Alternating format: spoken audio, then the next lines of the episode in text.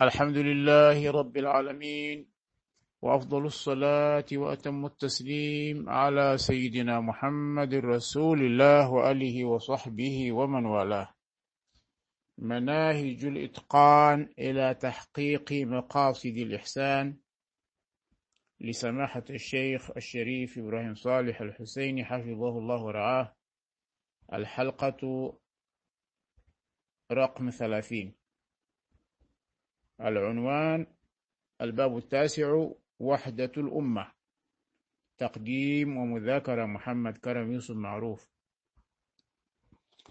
قال الشيخ حفظه الله إن وحدة الأمة من الأمور التي حث عليها الشارع ويتطلع إليها كل العاملين في ميدان الدعوة إلى الله. وحدة الأمة. وحدة الأمة هو من الأمور التي جاء بها القرآن الكريم. قوله تعالى واعتصموا بحبل الله جميعا ولا تفرقوا. هذا هو وحدة الأمة. ولذلك قال وحدة الأمة من الأمور التي حث عليها الشارع. وقوله تبارك وتعالى كذلك ولا تنازعوا فتفشلوا وتذهب ريحكم. هذه الأسباب الأسباب التي تفرق الأمة. إذن وحدة الأمة هي من الأمور الأساسية التي حث عليها الشارع بل يتطلع إليها كل العاملين في ميدان الدعوة إلى الله تبارك وتعالى. كل العاملين يتمنون ويسعون ويتحدثون في وحدة الأمة. لكن لماذا لا تتحد الأمة؟ كأنه هنا سؤال يطرح نفسه. لماذا لا تتحد الأمة؟ قال لكن تحقيق الوحدة يتطلب العمل أولا لإيجاد الأجواء المناسبة بين جميع طبقات الأمة على اختلاف مستوياتهم. يحتاج إلى العمل. تحقيق الوحدة هذا يحتاج إلى العمل أولا. لماذا هذا العمل؟ لإيجاد الأجواء المناسبة بين جميع طبقات الأمة على اختلاف مستوياتهم. فإذا تحقق هذا يعني أجيد الأجواء. الأجواء كيف؟ يعني التفاهم والصدق والإخلاص والناس تجلس وتناقش الأمور بشفافية وبإخلاص ليس بحب الذات أو التعصب لمذهبه أو كذا لا إنما يكون يعني الإنسان يكون يتجرد ويناقش الأمور يعني بإخلاص. ذلك قال فإذا تحقق هذا المطلب ووجدت الثقة بين قادة الأمة وحكامها من جهة أولا ومن علمائها ودعاتها من جهة أخرى. مفروض هذا هو. أولا توجد الثقة بين قادة الأمة وحكامها من جهة. يعني يكون الحكام يلجؤون إلى قادة الأمة وعلمائها وتوجد الثقة عندهم. ما يكون هناك شكوك ومن جهة ومن علمائه ودعاتها من جهة أخرى. العلماء كذلك يكون عندهم ثقة نحو حكامهم أن الحكام صادقين في تحكيم شرع الله عز وجل في توحيد الأمة الإسلامية. إذا وجدت هذه الثقة بعد ذلك سهل على الدعاة والقادة الالتقاء حول مفهوم واضح ومحدد لمعنى الدعوة إلى الله. أول شيء يسهل على الدعاة والقادة الالتقاء. الالتقاء هو أن يلتقوا ويجتمعوا وتكون قلوبهم على قلب رجل واحد ويكون وهذا الالتقاء ويكون حول مفهوم واضح يسهل على الدعاة والقادة الالتقاء حول مفهوم واضح ومحدد لمعنى الدعوة إلى الله والالتقاء حول المفهوم الثابت والواضح لمعنى الدين والأمة والمهام المناطة بها. هذه الأمور أولا تتأسس ما هي؟ ما معنى الأمة؟ ما معنى الدين؟ ما معنى الدعوة إلى الله عز وجل؟ يلتقون حول مفهوم واضح لهذه المعاني. وبذلك بعد أن يلتقوا حول هذه المهمات تستطيع الأمة بقادتها ودعاتها وحماة دينها وحراس عقيدتها أن تتخلص من أسباب الفرقة والنزاع. إذا التقت قادة الأمة ودعاتها وحصلت يعني الثقة بينهم وكذلك بين الحكام من جهة وبين العلماء والدعاة إلى الله وقادة الأمة. حصلت الثقة وحددوا هذه المفاهيم. بعد ذلك يتخلصون من أسباب الفرقة والنزاع. قال فتتغير نظرة المسلم إلى أخيه المسلم. بعد ذلك لأن الأسباب الفرقة زالت والنزاع أسباب النزاع زال وبذلك يتغير نظرة المسلم إلى أخيه المسلم. ينظر إليه بأنه هو أخوه الذي أمر الله تبارك وتعالى آه، أن تتحقق هذه الأخوة. قوله تعالى إنما المؤمنون إخوة. فإن أكثر مفاهيم الناس وتصوراتهم لبعض القضايا الدينية الكبرى اليوم تحتاج إلى تصحيح. صحيح. أكثر مفاهيم الناس الآن وتصوراتهم لبعض القضايا الدينية الكبرى اليوم تحتاج إلى تصحيح. أولا تصحيح المفاهيم أي مفاهيم الناس وتصورات الناس. أنه كل واحد الآن معجب برأيه وساع في تحقيقها. تحقيق الرأي. وكل ما تعاني منه الأمة الإسلامية في جميع أنحاء العالم مرده إلى هذه السلبيات. الله أكبر. يعني الشيخ هنا كأنه يعني آه يلخص ويضع يده على الداء العضال.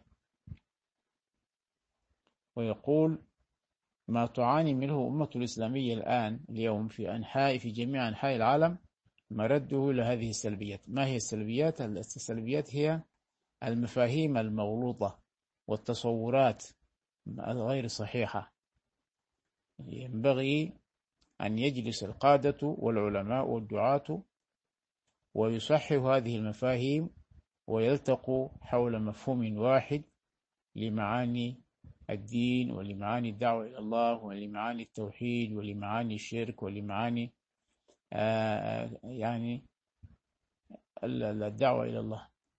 كل ذلك إذا تصح إذا صححت هذه المفاهيم ويسهل التقاؤهم على درب واحد وعلى هدف واحد. فمفهوم التوحيد ومفهوم الشرك ومفهوم الدين ومفهوم الشريعة ومفهوم الأمة كل أولئك يجب على الدعاة أن يدرسوها بعناية حتى يحددوا لها معنى واحدا مفهوما واحدا يشتركون فيه كلهم. قال فمثلا نحن نختلف في مفهوم العقيدة اليوم في اختلاف بين المسلمين بين حتى بين بل بين قادتهم في اختلاف في مفهوم العقيدة وفي اختلاف في مفهوم البدع وفي اختلاف في مفهوم الشرك.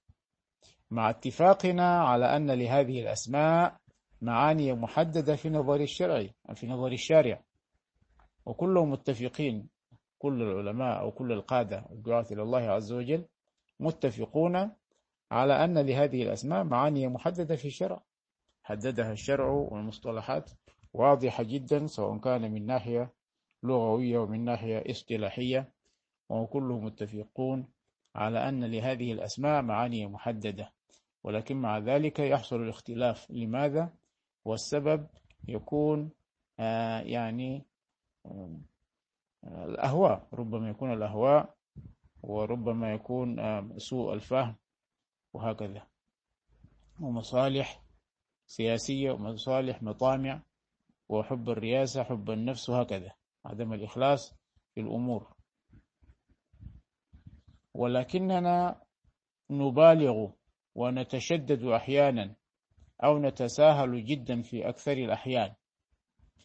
فمنا من يرى أن الأمة الإسلامية هي كل من قال لا إله إلا الله. هذا في من العلماء الآن أو من الأمة أو منا يقول من القادة من العلماء من يرى أن الأمة الإسلامية هي كل من قال لا إله إلا الله ومهما عمل بعد ذلك فلا يدره هذا كلام طبعا لا يجوز. هذا يعني فيه تساهل. قال ومنا من يرى أن الأمة الإسلامية هي أن الأمة الإسلامية ليست إلا فئة قليلة جدا توافقه على اعتقاده وتصوراته وتشاطره التألم والتحسر لواقع الأمة. هناك من يرى من العلماء من القادة أيضا أن الأمة الإسلامية هي ليست إلا فئة قليلة جدا توافقه على اعتقاده مثلا. الآن هذا موجود. يرى بعضنا أن الأمة الإسلامية هي لابد أن تكون على مواصفات خاصة وعلى عقيدة هو يعتقدها ويمشي عليها ودائما على تصوراته وعلى اعتقاده. وهناك مع أنه هناك من يخالفه من يخالف رأيه من يخالف تصوراته ولكنه يصر على أن الأمة هي فئة قليلة جدا الموحدون قليلون جدا على حسب تصوره وعلى حسب اعتقاده. وكل من لم يعتقد اعتقاده ويتصور تصوره وخلاص. هذا هو ليس من الأمة الإسلامية وليس مؤمن وليس مسلم. وهكذا أصبح الشقاق والسباب والتهاتر بالكلمات الرخيصة أو الجارحة من أبرز مميزات العاملين في حقل الدعوة. صحيح؟ آه، يرى مثلا يقول لك الذي الآن الذي يتوسل بالنبي صلى الله عليه وسلم هذا هو شرك ومشرك وشرك أكبر مثلا. و وهكذا.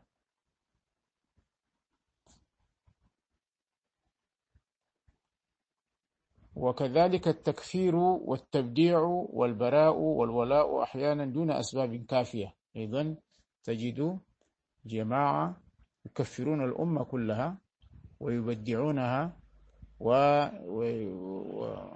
ويتبرؤون منها ويقولون لابد من البراء والولاء. يعني هكذا أحيانا دون أسباب كافية لما يقولونه التكفير الذي يكفرون به الأسباب السبب الذي يكفرون به ليس كافيا ليس شيئا متفقا عليه. يكون رآه أحد العلماء وخلاص واتبعوه وأصبح مذهبا. وكذلك التبديع. وكذلك البراء والولاء. كل هذا لأسباب غير كافية يقوم يكفر الأمة ويبدعها وكذا. الأمر الذي فرق الكلمة وأضعف الأمة وأطمع فيها العدو. هذا التفرق وهذا الشقاق وأصبح الآن مدخل للعدو ومطمع للعدو والدخول للعدو. يعني العدو هو يريد أن تتفرق الأمة. أنه فرق تسد. عندهم مثل يقول لك فرق تسد. هذه هي من مصطلحات المستعمر فرق تسد.